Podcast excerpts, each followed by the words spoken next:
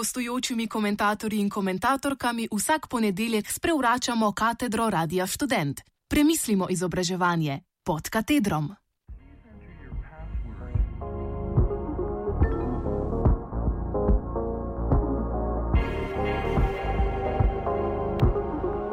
Ministrstvo za mešanje megle.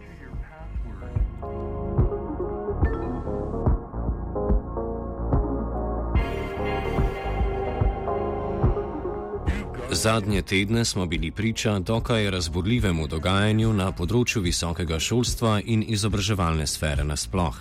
Vrstili so se protesti in stavke sindikatov, ki so opozarjali na nepravilnosti in anomalije, ki so v spredju že nekaj časa. A vlada ni prisluhnila. Potem so sindikati še močneje pr pritisnili ter stopnjevali pritisk in zdelo se je, da so se z vlado že zbližali in da so tik pred zaključkom pogajanj. A je Cerar, sicer nikakor popolnoma nepričakovano, izvedel salto mortale. Odstopil je kot premijer republike. S tem so se zamrznile vse dejavnosti vlade, ki se bo do predčasnih volitev, ki bodo v drugi polovici maja, sestajala samo še na izrednih zasedanjih. S tem je Cerar izvedel prvovrsten politični manever in sindikate pustil na mrtvi točki.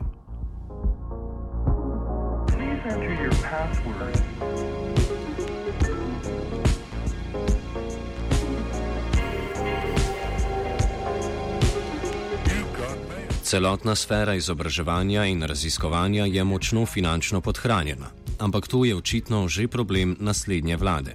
Kar pa nikakor ne pomeni, da se bodo pogajanja nadaljevala tam, kjer so se končala. Seveda je dosti odvisno od sestave nove vlade in novega mandatarja, bo imel posluh za znanost, izobraževanje in raziskovanje, ali bo ostalo pri velikih besedah o pomembnosti znanja za razvoj države, pohvalah znanstvenikov ter učiteljev in učiteljic, šole in fakultete pa se bodo še naprej soočale z neustreznimi in premajhnimi prostori, zaposleni na univerzi z neprimernimi nezadostnimi plačami, študentke in študenti pa bodo greli stole na vedno manj kvalitetnih predavanjih. Ali pa bo celo opustil velike besede in na mesto hvalisanja izobraževalne in raziskovalne sfere govoril o razsipnosti, slabi kakovosti javnega šolstva in o nujnosti ustanavljanja zasebnih fakultet.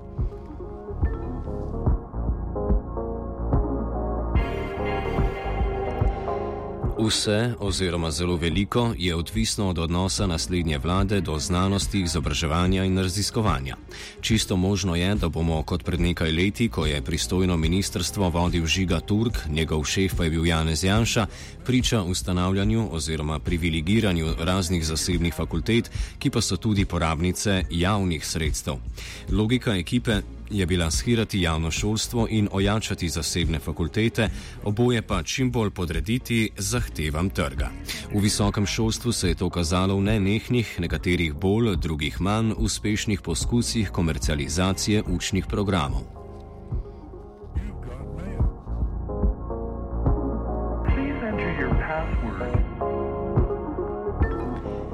Rad bi izpostavil ravno omenjene nenehne pretrese, ki jim je izpostavljeno visoko šolstvo, saj ima vsaka vlada svojo idejo o tem, kaj naj bi bila funkcija znanosti v družbi. Ta neskončna ideološka bombardiranja visokega šolstva imajo za posledico trenutno kaotično stanje. Vprašati se je treba, kaj je z avtonomijo univerze. Naj ne bi bila to tista varovalka pred nenadnimi in nepričakovanimi ter neželenimi vplivi politike. Kakšno je razmerje med Ministrstvom za izobraževanje, znanost in šport ter posameznimi univerzami? Trenutna ministrica glasno in z neskončnim nasmeškom na ustih razglaša svetost akademske avtonomije. Ob neprijetnih zadevah tudi zares pusti univerzi, da probleme razreši sama. Le spomnimo se vsega dogajanja okoli spolnega nadlegovanja in mobinga na univerzi v Mariboru in rektorja Tičarja, ki je samovoljno lomastil po univerzi in ščitil krivce. V tem primeru bi ministrstvo lahko, po mnenju nekaterih pa tudi moralo, poseči v dogajanje.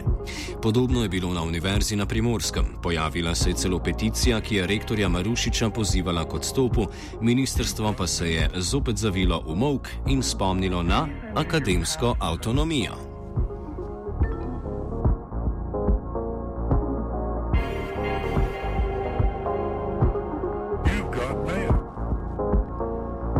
Občutek imamo, kot da vlada oziroma pristojno ministrstvo posegata v akademsko sfero le, ko je to v njunem interesu oziroma ko je to za njo ideološko sprejemljivo ali potrebno.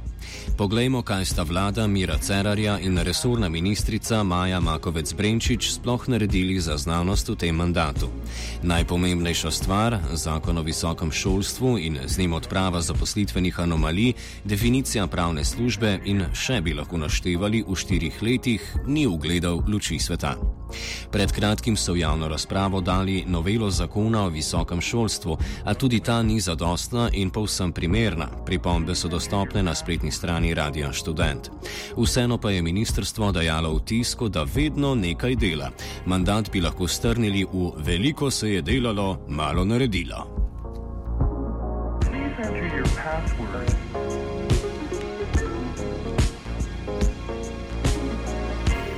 A če strnemo problem, univerza za svoje normalno delovanje potrebuje sredstva, oziroma po domače rečeno, denar.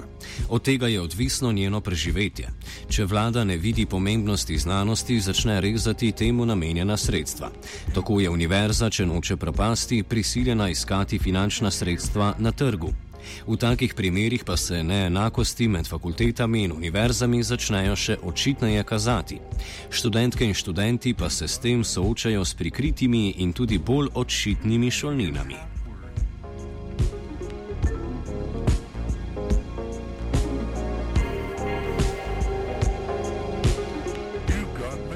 Kaj torej preostane?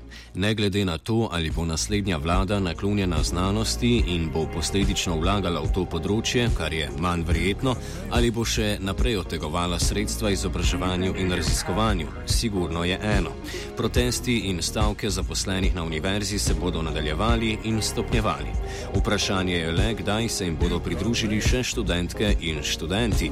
Ministrstvo pa bo moralo dati od sebe kar precej več kot v tem mandatu.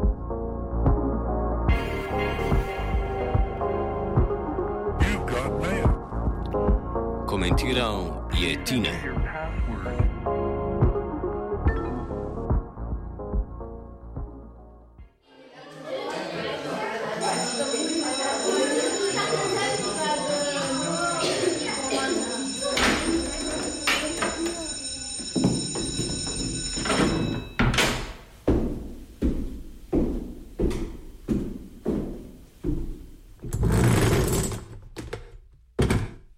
Gostujočimi komentatorji in komentatorkami vsak ponedeljek sprevračamo katedro Radia Student. Premislimo izobraževanje pod katedrom.